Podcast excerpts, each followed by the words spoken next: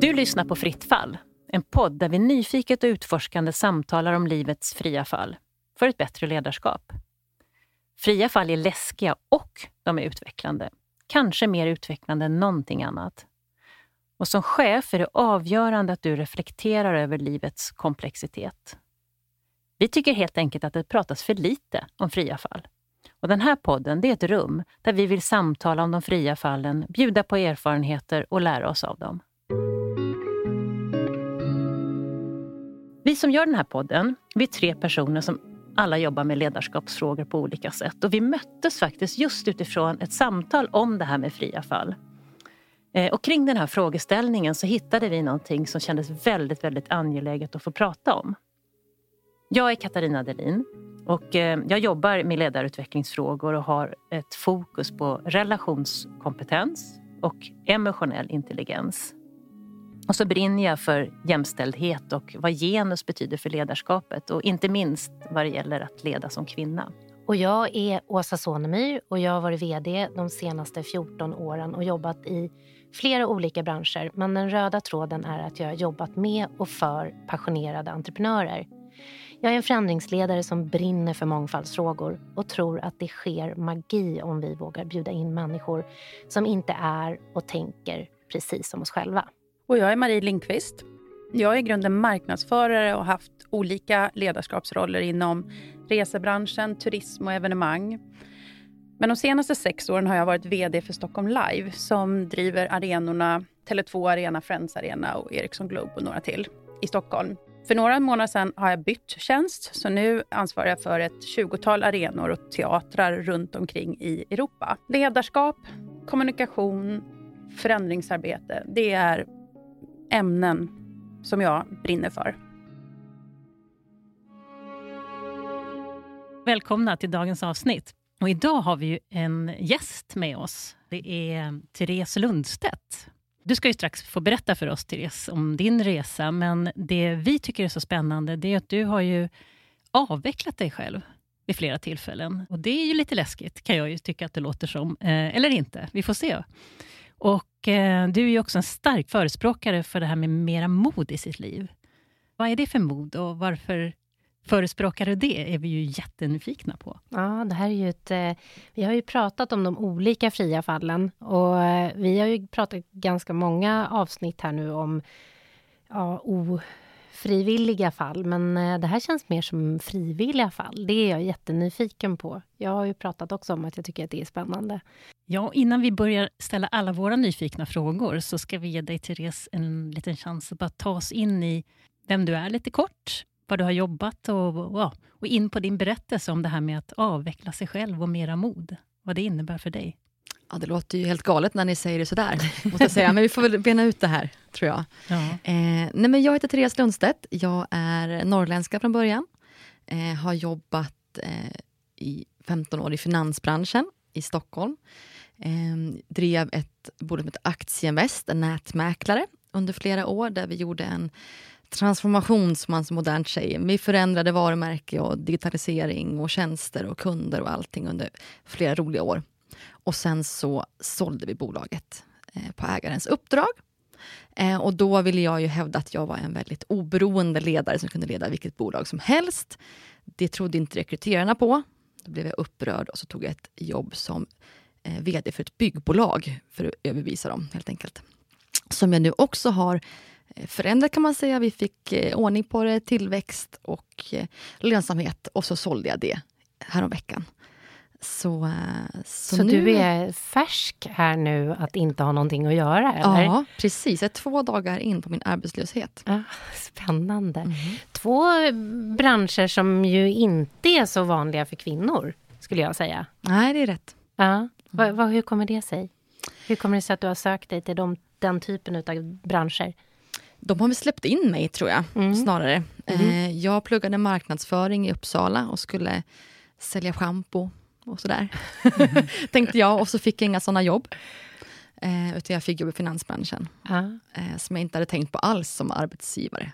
Eh, men det var kul, det gick snabbt, det gick fort. Eh, och jag var väl ganska bra på det de var dåliga på. Kommunikation, kund, marknadsföring, försäljning i en mix. Och sen mer och mer digitalt. Så jag tror att det, det, blev min hemvist, tror jag. Kanske också lite på grund av det här modet som du var inne på. Mm. Eh, man måste kanske vara lite orädd för att skapa sig ett nätverk i den branschen. Mm. När blev du ledare då? Eh, jag blev ledare för ett team när jag var eh, 23 och vd när jag blev 25. Mm. Skulle du kunna berätta någonting om hur du är som ledare? Fantastisk. Ja. det vet jag väl, men nej. nej. men det ska man alltid fråga alla andra. Men jag, ja. jag tror att jag har ju fått, nu har man ju när man av, blir avtackad och sådär som jag blev senast nu på förmiddagen. Ja, då har du alltid... det färskt i minnet ja, nu. Ja, precis. Då tycker alla att man är toppen. Ja. Då har de glömt bort alla de här jobbiga mötena man har haft. Nej, men jag tror att jag är, är väldigt tydlig, mm. eh, stabil. Man, man vet vad man har mig, tror jag. Eh, tydliga mål, eh, högt tempo, lite så fartvind. Man kan lägga sig liksom i vinnarhålet bakom mig, tror jag, och ja. hänga på. Mm. Eh, och det brukar ofta, vissa tycker att det är jättekul med den här fartvinden och att det händer saker. Eh, och mång, många andra kan också bli nyfikna på den faktiskt. Mm. Att man, det händer något, man vill i alla fall vara med och se vad som händer. Så det tror jag är, um, är mina styrkor. Mm. Mm.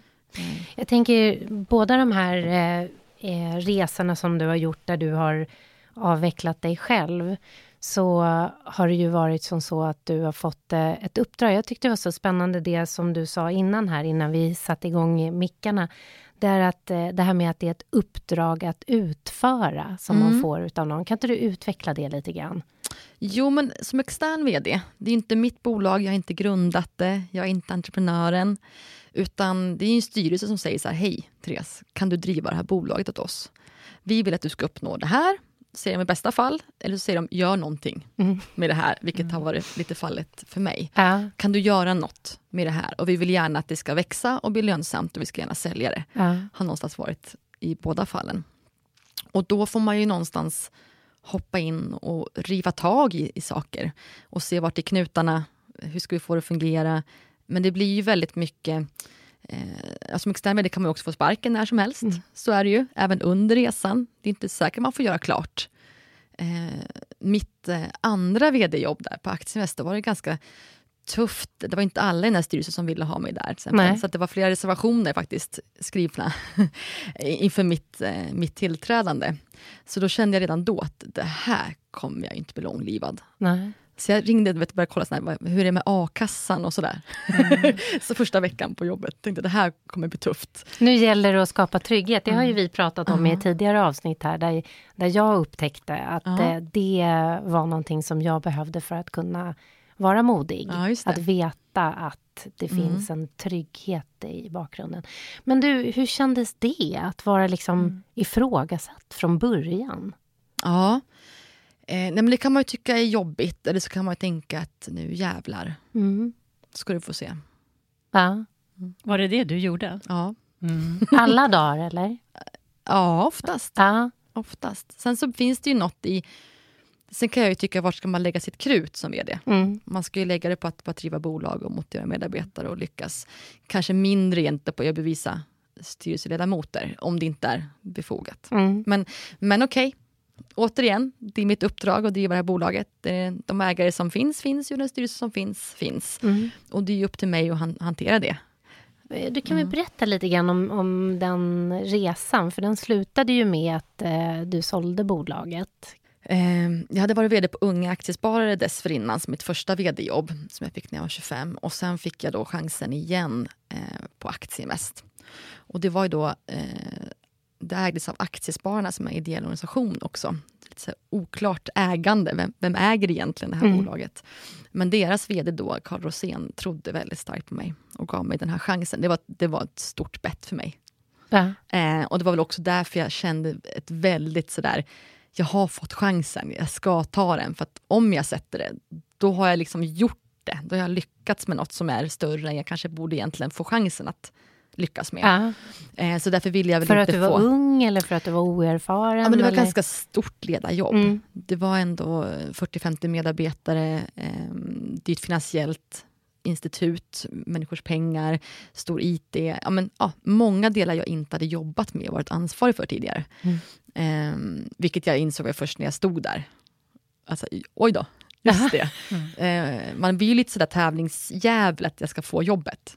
När man märker att det är lite motstånd och då tänker man ju på att jag ska, jag ska få det. Mm. Och sen så stod jag där inför de här 40 medarbetarna på första morgonmötet när det här berättades. Att man bytte ut den tidigare vdn som hade varit väldigt länge och var väldigt stabil och härlig kille.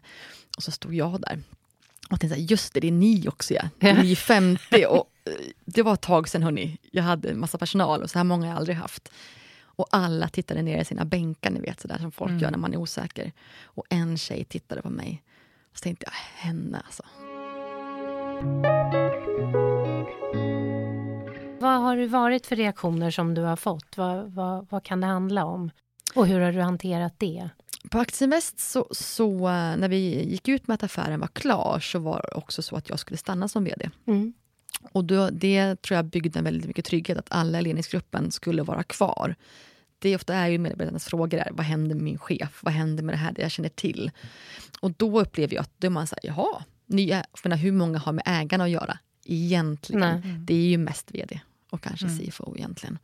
Så det är klart, en ny ägare, då kan det ju handla mer om att ja, men det här är en ägare med mer pengar och större plånbok, vilket det oftast är. Ja. eh, vilket är då att det här blir stabilare för oss och om det går dåligt något år. Ja, men sådär, då blir de här liksom mer, lite mer materiella tingen man målar upp. Ju. Och som sagt, om min chef är kvar och allt är kvar och det blir bättre för oss, ja men det blir bra. Mm. Eh, då var det jobbigt att, att, några månader senare säga, ja jag lämnar också förresten då var det liksom, eh, andra typer av känslor mm. kring det. Um, Vad var det för känslor som kom då? Nej, men där är det människor man har jobbat väldigt nära med, människor man har coachat, som man kanske var lite mentor till. Eh, man har byggt kanske en trygghet, man, man, tycker att det har fungerat bra, eller man vet vad vi gör, vart vi är på väg. Och så säger man, vem ska leda oss nu? Ja, vi vet inte. Eh, och det är klart att, att alla gillar ju inte den typen av förändring såklart. Mm. Och, man, och lite grann som ledare, du, du säger ju till människor att följ mig, mm. jag har koll på läget. Jag lämnar inte er. Liksom. Vi, vi kör, vi är helt säkra på att det här kommer gå. Om så är det sista jag gör så ska vi fixa det här. Och så säger de okej, okay, säger de. Vissa på en gång och vissa efter något år. Mm. Och så börjar man springa mm. ihop och sen säger jag, ja men hörni vi hörs då. Lycka mm. till. Och det är klart, ja, man kräver en dedikation och sen så, så lämnar man människor som har liksom köpt in på det. Mm eh, och säger att det blir nog bra ändå. När man först säger följ med mig. Mm. Den, den, är ju såklart lite kontroversiell i, i som rent mentalt, tänker jag. Ja, och hur, hur, hur känner du inför det själv? Mm. Känner du dig som en svikare? Nej, det gör jag ju inte. För i de här lägena, jag är ju den enda som lämnar. Mm. Så att jag är den enda som blir av med jobbet. Alla andra har ju fortfarande ett jobb att gå till egentligen. Så, mm. så att egentligen kan jag ju tycka att det är väl, det är väl mig det är synd om. När man tänker ett varv till. Nej men, nej men man kan ju känna lite, just den här känslan att, att jag, ni har liksom lagt liksom, er ambition i mina händer. Mm. Och nu så, så drar jag. Den känns alltid lite så. Mm. Eh, jobbig för att man har liksom fått så mycket förtroende i det. Mm. Um, så det, det, den är ju jobbig, tycker jag. Vad var det som låg bakom ditt beslut att lämna då? Vi hade lite olika ambitioner, mm. eh, tyckte jag. Det bolag som köpte Aktieinvest. Eh, kring det digitala hade vi lite olika ambitioner som var väldigt viktigt för mig. Eh, jag ville kanske att vi skulle bli ännu mer nischade och ännu mer framfusiga och så vidare. Eh, det kanske man kommer bli, men jag upplevde kanske inte det. Och Sen hade vi lite olika syn på personal och medarbetare och, mm. och de bitarna som jag tycker är viktiga för mig. Mm. Och tredje så var ju mitt uppdrag faktiskt också klart. Det mm. jag kom dit för att göra var ju faktiskt mm. avchecka, så det är ett bra läge att lämna. Men var det ett lätt eller svårt beslut eller hur kom du fram till att det är det här som är rätt att göra? Jag tar beslut ganska snabbt. Eh, mycket magkänslostyrt. Eh, vilket jag har lärt mig att det, magkänsla är ju alla samlade erfarenheter. Så det är inte bara en hint, utan det är något man, man tar baserat på något. Eh, så jag brukar vara duktig på, på att lita på den. Mm. Så känns det inte helt rätt så tänker man nej, det är nog dags för mig nu. Liksom. Det låter ganska enkelt när man lyssnar på dig. Ja. Var det ett enkelt beslut? Ja, det tycker jag. Det, och det är samma där igen, att jag vill kunna säga att men vad, vad gjorde du med din tid? Jo, jag drev de här bolagen, det var jätteroligt. Jag, jag stod för vad jag tyckte var viktigt, min integritet. Ja, eh, det är inte bara ett jobb för mig, det är något mer. Liksom. Mm. Men sen, det gick ett tag innan du eh, tog ett nytt jobb. Eh, och då blev det något helt annat. Ja, det tog nog säkert två månader. Ja, gud! en kanske. var det så? ja, det var så. Det var så. Ja. ja. och då blev, det, då blev det någonting helt annat. Du pratade mm. om de där rekryterarna som inte trodde på att du skulle kunna gå till en annan bransch. Det kändes som att det var lång tid det tog. Ja, det kändes lång tid. Ja. Nej, det var inte så lång tid. Det var många samtal ja. där man någonstans var så här, men, men, du kan ju inte retail och du kan ju inte det. Du är ju finanstjej. Ja.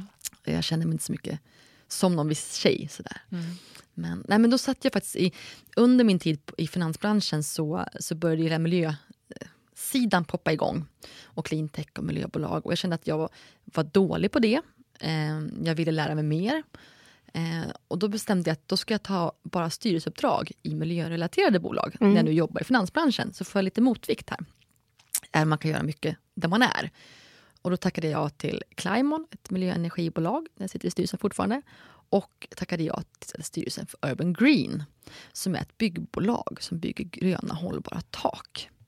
Ehm, för där ska man göra en expansion var tanken. Det är spännande tänkte jag. Man har gjort, gjort en stor crowdfunding-runda via Peppis för det är massa pengar. Och så var Spiltan inne där som en av mina favoritägare som jag jobbat mycket med genom åren. Så tänkte jag, ja men det blir kul. Här kan jag sätta mig och lära mig något om, om gröna fastigheter och, och byggbransch. Det kan jag inget om, men ja, det blir bra, tänkte mm. jag. Och satt där och, och det var ganska knackigt på det här bolaget, det gick inte så bra. Och vi, styrelsen är ju långt ifrån. Och är man van att vara operativ som VD så är man ju så van att vara så nära knutarna, problemen och bolaget och så vidare. Och i styrelsen blir man längre ifrån.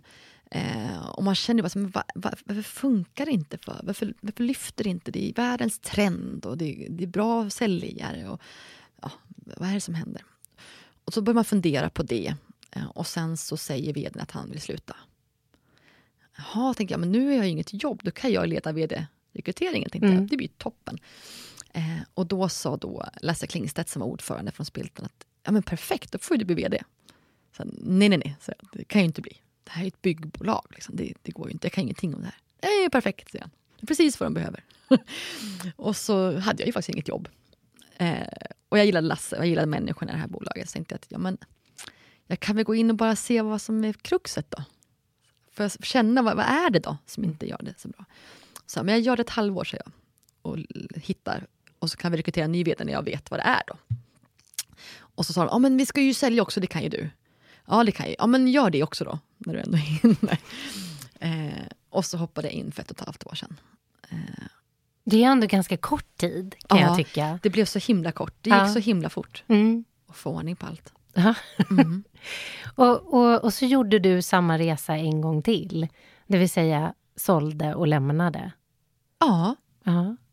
Här var det annat, för här var ju ett mindre bolag som började liksom nå tillväxt och inte var lönsamt och mycket mycket problem med personalen och mycket tuff, tuffa, dåliga dialoger och ingen respekt och mycket sånt. Mm. Så det var en annan typ av förändringssväng kan man säga. Men, ehm, men, det var, ja, men sen så var det så ändå mm. att vi lyckades få lite, ja, första halvåret som jag skulle göra, då hittade jag ju ännu mer problem och skrev ner lagret. Och, ja, och då känner man efter ett halvår att, men vänta här nu, det är inte man vill inte bara hitta felen, man vill ju göra vändningen också. Ja. Mm. Eh, och så har man lärt känna de här människorna, man har börjat fått det här förtroendet. Då vill man ju inte säga, nej men nu får ni klara er själva efter ett halvår. Utan då säger man ju, nej men vi kör ju på, nu mm. sätter vi det här målet och så gör vi det 2020. Och så gjorde vi det. Och nu får de klara sig själva? Ja, jag vet. Ja och är avtackning idag. Hur, jag lämnade just en fantastiskt härlig vice vd, lite tårögd, eh, ute i Nacka. Eh, när vi kom fram till att vi, vi gjorde det bra ändå. Mm. Vad kände du då? Nu när jag lämnar? Ja. Nej, men det är ju samma, det är så tvådelat, därför att återigen, det är ett uppdrag, mission completed. Liksom så. Eh, men det är människor. Människor är ju alltid jobbiga att lämna. Eh, och lite grann så inser man ju först nu faktiskt att just det, vad ska jag göra nu då? Mm. Det, det slår mig oftast först när jag har Men är det en lämnat. känsla av förvåning eller är du lite orolig? Eller känner du att nu kommer nästa utmaning? Nej, det är nog mer förvåning. Mm. Att så, just ja. Och så känner man det här så här, blev konsekvensen. Ja, det tänkte jag ju inte riktigt på. Utan jag ska ju bara få det här gjort. Mm. Komma i mål. Sådär. Få diplomet och medaljen. Men, men, men eh, jag är väl lagom lugn, tycker jag, för vad jag ska göra. Men däremot kan jag ju känna så där i den här fasen att varför kan jag inte bara vara kvar och driva saker som funkar? Varför måste jag lämna när allting går bra? Eh, jag får aldrig vara med på det här lättsamma som det aldrig finns i bolag i och för sig. Man tänker ju så nu, mm. att den här lättsamma resan. Eh, men, men jag tror att man är, man är bra på olika faser också. Eh, men det, det, känns ju tomt och så känner man, åh nej, ska jag in på något nytt ställe och säga hej till mm. Therese? Mm. Vilka är ni? Och jag börja tänker, dra. Jag tänker att det, det, kräver ju en hel del energi att liksom starta om på det här viset. Mm. Vad gör du för att hålla motivationen uppe? För jag menar, det är ju inte alla dagar som man är på topp. Liksom man blir ju bättre och bättre. Det är liksom man, när man blir äldre och ju fler ledarskapsår man har på nacken så blir man ju bättre på att hitta små segrar lite. Mm. Förut så tror jag man såg det slutmålet mer som så. Men, men man kan ju bli glad för saker som händer. Kolla, nu pratar de med varandra, de här, de här två säljarna. Mm. Det verkar funka. eh, nu resulterar det där, vi klarar av det där. Eller vi, alltså de här små vinsterna blir ju någon slags lite klapp på axeln. Och det behöver man ju, det får man ju inte så ofta som VD. Så jag tror att, ja, men känslan när det börjar släppa på små vinster, och det är ju härligt och då får man energi. Mm. Och sen kanske man, man blir också bättre och bättre på att ta saker med liten klackspark och kanske inte mm. jaga upp sig över allt. Jag tror jag kan ha en dis mer distans till små misslyckanden idag. Ja. Man säger så då, att, att ja. i vardagen, i jobbvardagen. Det blir inte personliga tillkortakommanden för Nej. dig, utan du ser att ja, ibland... Du, vi testar det, här då, eller vi mm. gör det här, eller mm. vi kanske mm. släpper den, eller vi mm. provar det här. Ja. så, så det har man nog blivit bättre på. Och, och i den här den här byggbranschen eh, och det bolag vi har haft, eh, det var en helt annan, annan typ av medarbetare jag är van vid. Bara att inte alla ens har en dator och mail Nej, Hur kommunicerar mm. man med, med mm. grabbar ute på fältet och de som är på taket och mm. snickrar? Och, mm. eh, sådär, hur håller man kommunikationen vid liv? Och, och mm. helt olika typer av erfarenheter, kunskaper kring bolag, ekonomi. Eh, hur hittar man gemensamma nämnare i sådana bolag? Men, men det har också varit liksom, jag har ju varit väldigt, väldigt rak och tydlig mm. i det här bolaget. Extremt. Jag tror att det krävs kanske jag, jag kanske drar för många över en kam, men jag tror ändå att i de här traditionella branscherna så krävs det lite. Och därför tror jag att det gick så pass fort som du sa Åsa. Mm. På att det gick så fort att vända. För att jag kunde säga, nu gör vi så här. Mm. Tack för vad skönt, det är precis så man vill ibland ja, säga. Ja, ja, nu gör vi så här. Och jag tog Punkt. fram ett kontrakt där det stod att ni ska vara trevliga mot varandra på jobbet och ni får mm. inte skälla ut varandra. Och, och det fick alla skriva under. Mm. Och det var inte vad tycker ni, utan nu, nu är det så här mm. som gäller. Ehm, för att vända vägen. Liksom. Ja, kändes mm. det att du behövde vara modig för att göra det? Ja, men det är inte något jag tänkte på, men det är det väl. Det krävs ju det här modet. Modet är väl mer att gå in och, och våga välja väg. Mm. Mm. Just det, att sätta ner foten. Ja, det är det här vi ska göra. Ja. Den här budgeten kan vi nå. Så här ska vi jobba, mm. så här ska vi samarbeta. Så här. Det krävs ju någon slags mod, gissar jag. Men det handlar ju mycket om rutin och erfarenhet. Att att våga välja den vägen mm. snabbt. Mm. Mm. Och det tror jag handlar mycket om att jag är övertygad om att människor vill ha en tydlighet. Och att, att man har en, ledaren ska ha en plan helst. Det är skönast för alla. Sen kanske man inte gillar planen, men hon har en plan i alla fall. Mm. Det är ju alltid något. Du har ju sagt det här med att du tycker att fler skulle vinna på att vara lite modigare. Mer mm. mod i sitt liv. Mm. Vad, vad vinner vi på det? Jag tror att man gör fler saker än man skulle ha gjort annars. Och kanske fler nya saker.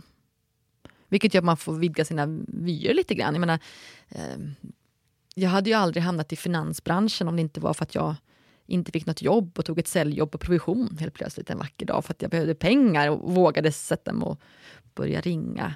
Och sen så eh, tog jag det här jobbet på Aktiemest som var, som var stort och svårt. För att jag fick chansen så vågade jag tacka ja till den. Och byggbranschen, men det var väl ingen som trodde att jag skulle hamna, hamna där. Men jag har ju tänkt vad jag har lärt mig. Jag kunde ju ingenting om byggbranschen eller gröna tak eller något om grönska. Jag dödade ju en kaktus mm. min trädgårdsmästarinna vän Victoria sa att du är den enda kvinnan, nej en juckapalm var det, som har dödat en juckapalm.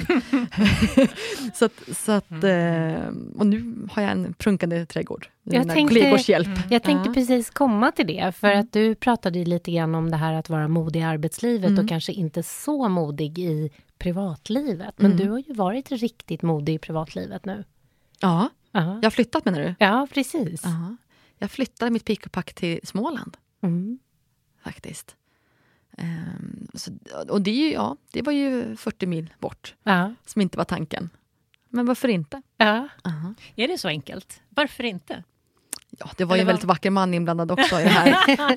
eh, så det är klart ja. att... Eh, nej men det var ju också en konsekvens tror jag, av det här jobbet. Jag mm. vågade ta ett jobb i byggbranschen. Mm. Eh, jag driver ett halvår, inser att vi har stora problem på vår odling nere i Småland. Jag måste vara mer i Småland, lägga min tid där, för där ja, var det väldigt eh, illa. Det behövdes mycket ledarskap på plats helt enkelt. Och samma veva så, så råkade jag köra ner min man som, som bor i Växjö. Och så tänker jag att ja, jag måste ju ändå vara här och jobba. Och jag är väldigt förtjust i den här mannen. Och vi vill leva ihop. Varför skulle jag inte kunna flytta för? Mm. Jag läste någonstans för inte så länge sedan ett citat som jag tyckte är så härligt, att när man hoppar får man vingar. Ja, det låter ju häftigt. Alltså lite det här att ja. du måste hoppa först. Ja, Men det. i och med att du tar steget ja, så får du vingar som gör att du både kan flyga och landa. Så hoppas man att de är ganska rejäla. Ja. Men känner du så? Du hoppar ju hela tiden. Ja. Får du vingar när du hoppar? Eller är det... jag, tror att jag, jag tror att jag gillar mig själv när jag hoppar. Att jag, tyck, jag tycker nog om människor med mod, och så, tänk, så då gillar jag mig själv lite extra. tror Jag Jag tänker, du pratade om att eh, där i början när det är nere i gyttjan och ja. man är ganska ensam och sådär. Hur, hur hämtar du kraft där? Ja, men det är nog återigen den här uppgiften att jag är så himla... Liksom, jag vill bara vinna då. Mm. Jag ska visa att det gick. Jag vill inte lämna då och sen när jag kunde inte, eller bli utslängd av styrelsen. Att, utan jag, jag vill ju hinna i mål innan någon fråntar mig chansen att lyckas, tror jag. Mm. Eh, eh, du pratar ju just om det här med att hoppa och vara modig och alla de här mm. bitarna. Är det någon gång som du har hoppat och varit modig och fullständigt gått åt skogen?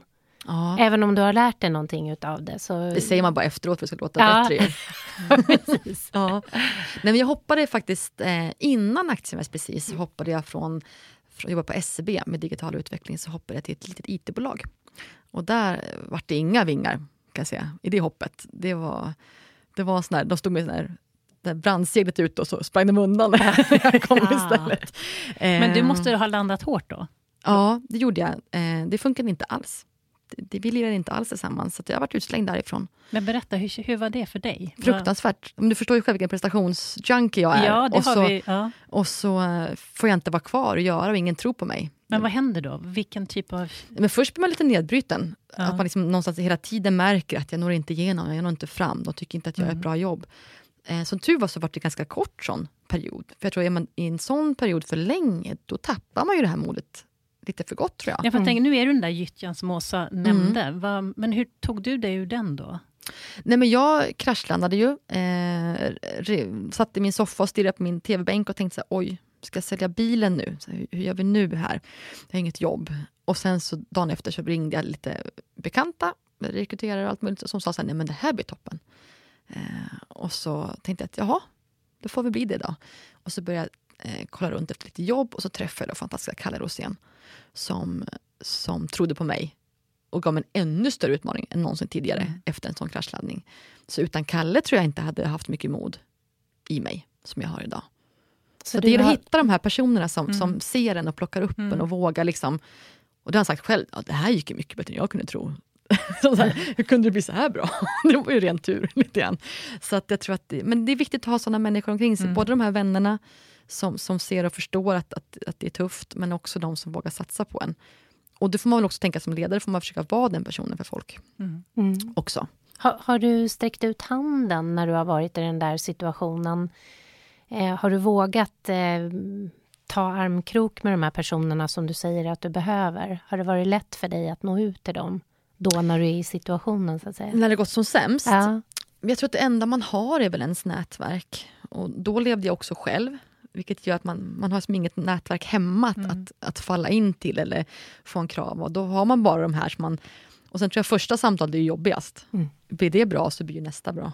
Ja, men så mm. um, så det, det gäller att ha bra vänner och bekanta där ute tror jag som, som säger rätt saker när det behövs som mest. lite grann. Men det är samma, jag brukar ofta ringa runt till, till vd som, som blir utslängda. Eller i alla fall smsa eller skicka ett mail så fort jag hör något. Bara för att man är så skönt att veta att inte alla andra ser det som ett misslyckande. Mm. och det brukar... Vad säger du då? Vad, vad, jag tänker att det var kanske något du själv ville höra. Ja, eller hur? Ja, men det är lite grann, ja, men jag såg vad som hände, hoppas du är okej. Okay. Det händer ja. alla. Liksom. Hör ja. av dig om du, om du behöver bolla. Att bli liksom. sedd helt enkelt. Ja, och lite det, det, det händer ju alla. Ja, du är liksom inte så. ensam. Nej. Nej. Det tror jag min ja. kompis Anna Stenberg sa. Ja men på den här nivån, herregud. Man åker upp, man åker ut och man åker in. Och liksom, sådär. Ja just det. Ja, men mm. ser, är det så man ser på människor som har misslyckats, som jag ser det då. Mm. Eh, så jag tror man vill gärna höra det där att andra ser och förstår och vet om att nästa gång kan det gå mycket bättre. Mm. Det var bara nu och det var den här ägaren eller styrelsen som det clinchade med. Eller, det betyder inte något i ens prestation eller kompetens. Det handlar bara om att det var fel match just nu. Mm. Och det är okej. Okay. Kan du se det så nu också själv? Ja, men det gör man ju aldrig när man är uppe i det själv. Nej, men nu när du tittar tillbaks. Ja. Du har ju precis haft en avtackning här. Ja, du menar nu? Nej, och ja, utifrån mm. hela din resa. Det här att ja, allt lyckas du inte med och det är också okej. Okay. Ja, kan man det? Man vill ju lyckas med allt. Men man kan, men man kan, ju, man kan ju se det här att ja, man, man gör massa saker och man lär sig av dem. Men det är klart att man vill ju gärna inte ha en kraschlandning till. Mm. Eh, man vill ju hellre ha en, en bra sväng till. Um, det har jag inte börjat tänka på än, men när du säger det så blir jag lite nervös. Ja. Nej, men jag, jag tänker, jag har ju också varit med och sålt mm. ett bolag och hade bestämt mig redan innan att jag inte ville gå med de nya ägarna. Men när de nya mm. ägarna sa att de inte ville ha mig, då var det nästan så att jag ville vara kvar bara för den sakens skull. Man vill liksom inte bli Nej. bortvald. Nej, det är hela grejen. Det? Vi är människor liksom. Ganska ofta i yrkeslivet och speciellt i branscher där man är ensam kvinna. Eh, eller där man känner att det är upp till bevis. mycket som står på... Alltså det är lätt att sätta på sig en rustning för att orka och klara. Men även du, så att säga, i den rustningen har en mjukare insida. Det vet vi ju. Eh, vi pratade om det här när man är nere i geggan. Alltså när kände du dig sårbar och, och svag och tänkte hur ska jag orka hålla den här kraften uppe för det jag behöver göra. Jag tror att det är olika, olika sammanhang då man känner sig lite så maktlös eller, eller hjälp. Just på aktiemässigt så kunde, tog det ganska lång tid kan jag tycka innan liksom, det vände tag och man fick alla med sig såklart. Um, och då var det ju första gången jag gjorde en sån här riktig inrusning och skulle få med mig alla. Så där kunde jag ju känna men, att man är som den här matadoren tjuren Ferdinand. Mm. Liksom man bara stångar mig, gör någonting. Mm. Man rycker upp liksom, ja, kaniner ur hatten och man testar allt. Liksom, och så ingenting får man. Där kunde jag bli otroligt trött. Mm. sådär, trött och ensam i det. För rollen är ju ändå att, att visa sig stark så att människor vill följa med en. Sen tror jag också att, att lite bättre med åren har man blivit på att, att ibland säga jag behöver hjälp med det här. Du mm. måste, det här funkar inte jag upplever att du motarbetar mig. Eller sådana samtal har man ju med medarbetare. Vissa känner man att man inte når fram till och det är viktigt. Det är kanske ledning, personer i ledningsgruppen som man har direkt under sig där man känner att vi, vi lirar inte. Eh, jag har gått på något uppdrag där med ledningsgruppen. Känner så här, men varför är du här? Så det är klart att, att den här, när människor är skeptiska mot en som person, det tycker jag är jobbigt. Mm. Hur, men, hur, reagerar du då? Vad, vad, vad gör du då? Jag tror att, att jag som person kan ju bli ledsen över det. Men jag tror också att jag vill hitta en ny väg. Mm. lite grann. Och har nog blivit bättre på att ta samtalet. För det vet man också att just tidigare man rycker det där samtalet, desto bättre kan det ju bli. Och jag har också lärt mig att, man, att bara säga, jag upplever så här. Du är så här, så blir det så här för mig. Mm. När du säger så, då känner jag att du motarbetar mig. Eller inte tror att jag har kapacitet att göra det här. Stämmer det? För då måste vi lösa det här. För att jag är ju VD här och du jobbar här. Hur ska vi göra då, då tycker du? Att ibland berätta eh, som det är. Eh, men sen tror jag att i, i det jag tycker är jobbigast och det jag blir mest sårbar, det har, ju, det har ju ofta med människor att göra. Att säga upp människor. Eh, haft en väldigt tuff uppsägning under mitt senaste jobb där, där grundaren fick lämna bolaget eh, som inte gick att göra på ett, på ett väldigt liksom, enkelt sätt. Mm. Och det är klart att, att, um, att som människa utsätta en annan människa för något som liksom är skiljet från sitt livsverk och så vidare, det, det, är ju, det kräver sin kraft. Eh, och man vill ju så väldigt gärna sälja det här bolaget och ge den här människan en, en fet kasse pengar som plåster på såren. Och vill ju inte att det, här, att det inte ska gå vägen då, för då har jag bara gjort det dåliga och inte det bra. Så jag menar, man är ju sårbar på olika sätt och ofta tycker jag mot människor man pushar människor ganska hårt i sina föreningsresor. Mm. Eh, människor jobbar ju otroligt hårt för att jag säger det. Och ibland så känner man att nu är det på gränsen här. Nu mår den här kollegan inte bra. Det är för mycket. Hur kan man fånga upp det? I, ja, men man kan ju känna ibland, man känner ju med människor mm. ofta. Eh, och man vet också att ibland så måste det bara gå över och ibland kan man göra något. Och, och ibland måste människor också hitta ett sätt att hantera sig själva för att nå nästa nivå. Mm. Och träna sig att delegera eller vad det nu kan vara för något. Så att, men jag tror att sårbarheten är väl i... Eh, man behöver inte tycka att det går bra hela tiden. Liksom, för det gör det ju inte. Eh, så får man väl gråta på toaletten för det då. Och så får man fortsätta en annan dag. Mm. Mm. Du går undan? Du vill inte... Ja, men det gör jag nog. Mm. Det gör jag nog. Jag tror också att det är samma där, hur, hur personlig ska man vara med sina mm. medarbetare? Jag kan tycka att man sätter dem i en ganska jobbig sits, mm. så de måste veta allt om mig. Mm. mm. Som person, och så ska vi ha mm. lönesamtal imorgon. Mm. Ja, men sådär. Vill de se chefen gråta? Nej, kanske att man erkänner att man är dålig mm. på något eller att man inte vet. Absolut. Det är därför det är så otroligt både viktig och intressant fråga. Det här mm. med att som VD så är du väldigt ensam. Ja. Eftersom du har den rollen. Ja. Och ändå är du människa, precis som alla andra, mm. med de här behoven.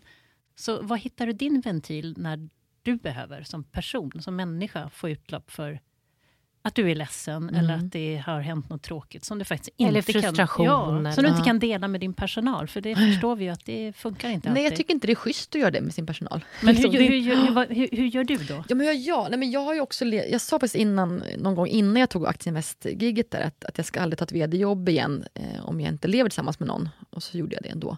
Men, men för att just för att det är så ensamt. Mm. Mm. Eh, och det vore skönt om någon gillade när man kom hem i alla fall. Men jag tror att jag har haft väldigt bra människor runt omkring mig.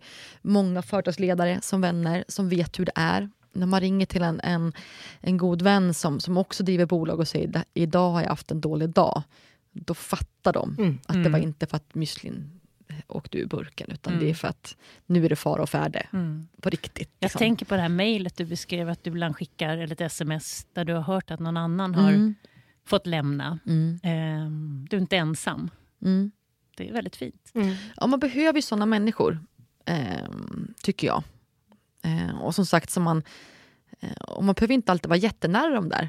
Man vet liksom, när någon behöver ens, ens råd eller mm. bara Ofta säger man ju inget vettigt ändå, men man, man lyssnar och fattar. Mm. Och kanske säger så här, det här gjorde jag en gång. Men jag tycker det är spännande det där med relationer, för det mm. pratade vi ju mm. mycket om här i, i ett annat avsnitt. Mm om att ha starka relationer. Mm. Mm. Och att du definierade det som att jag vill vara i en relation när jag tar mitt nästa jobb, eh, mm. vd-jobb, mm. för att det är ensamt. Det tycker jag var en väldigt mm. spännande insikt och tanke.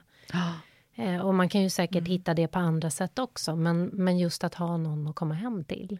Man är, alltså, framförallt i början på såna här resor så är man ju inte så gillad. Nej. Alltså, man är ju, alltså, vem gillar chefen? Alltid. Sen har man ju byggt jättefina relationer med många medarbetare längs åren som man har kontakt med fortfarande. Mm. Men så att, men just där och då när man kommer in och börjar ställa krav och domderar och säger att allt ni har gjort är fel, nu ska vi göra så här. Jag menar, man är ju inte jättepoppis, det, det snackas på middagsborden. Vad är det här för brud? Liksom så. Vem tror hon att hon är? Eh, det förstår man ju. Mm. Eh, så att det är klart att, att det är skönt att någon tycker att man har något vettigt och bidra med kanske. Men jag, tror också mm. att, men jag tror också att det finns något i att, att vara lite okej okay med det. Då kanske man får mindre motstånd, tänker jag. Mm. Mm. Man kanske får lite respekt i den. Um, nu har jag haft väldigt erfarna medarbetare på slutet. Det var väldigt tacksamt. De är runt 50 drygt, hela bunten, och jobbat massor. Och, och är man schysst mot dem, då är de schysst mm. tillbaka lite mm. grann. Men, men ja, man får andas genom smärtan, brukar jag säga också. Om du skulle skicka med lite, för att jag tänker, jag har träffat ganska många unga ledare som jag upplever är väldigt rädda för att misslyckas. Och då är det svårt att vara modiga. Kan du liksom ge någon sån här tre tips till dig som, som borde slänga ut lite mer? Men jag tror att du aldrig kan lyckas riktigt om du inte slänger ut. Mm. Så det är en förutsättning? Ja, jag tror det. För att, eh, och det tycker jag också om man tittar på de bolag som, som jag har drivit och som många driver, lite förändringscase. Det måste, det måste hända något nytt. Det är samma där, om man småförändrar bolag, då missar du alla stora trenden och skiften. Och, ja, jag menar, varför har vi så många mellanstora bolag i Sverige? Det, det krävs ju något mod för nästa nivå. Eh, och det tror jag är samma med bolag och människor. Att, att, att, eh, det kanske är de här stora besluten och skiftena som får en att verkligen tänka till och ta i från tårna och lyckas. Um, så det är häftigt att flytta till Småland eller driva stora bolag som man inte tror man skulle göra eller byta bransch och, och stå där med massa byggarbetare och kolla vad som händer. Så jag tror att, att det kanske är en förutsättning att lyckas på riktigt att, att släppa den där. Uh, så vill man det ska man nog söka lite mer den där viktlösheten kanske. Mm. Mm.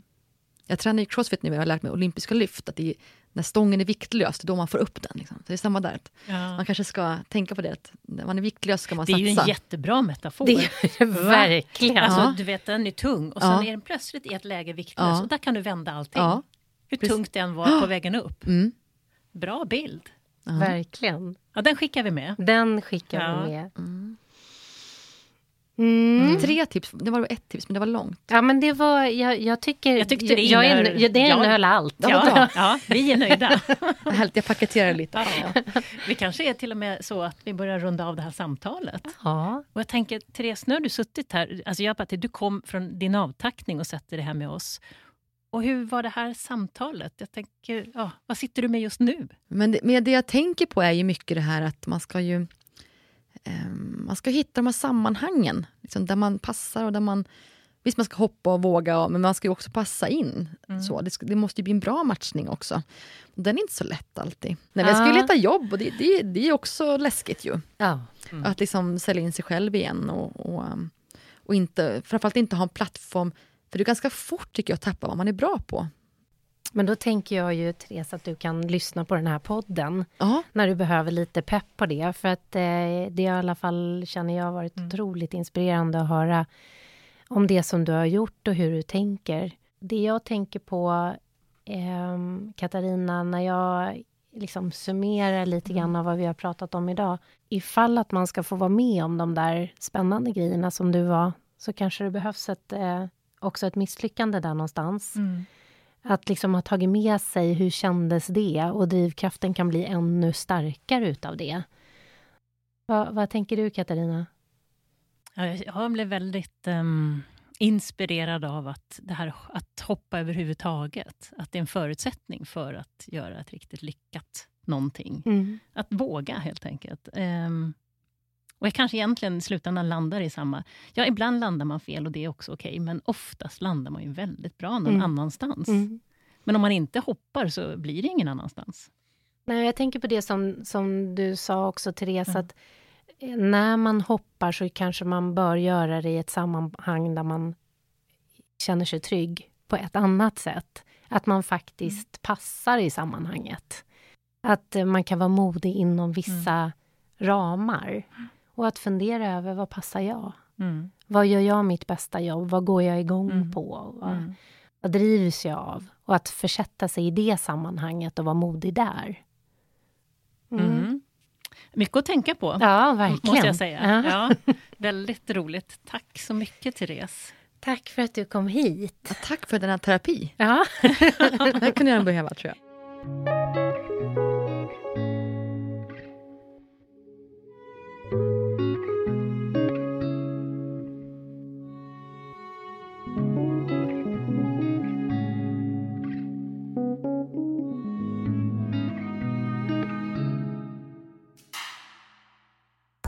Ditt fall, en Nora-produktion producerad i samarbete med Niklas Hedberg.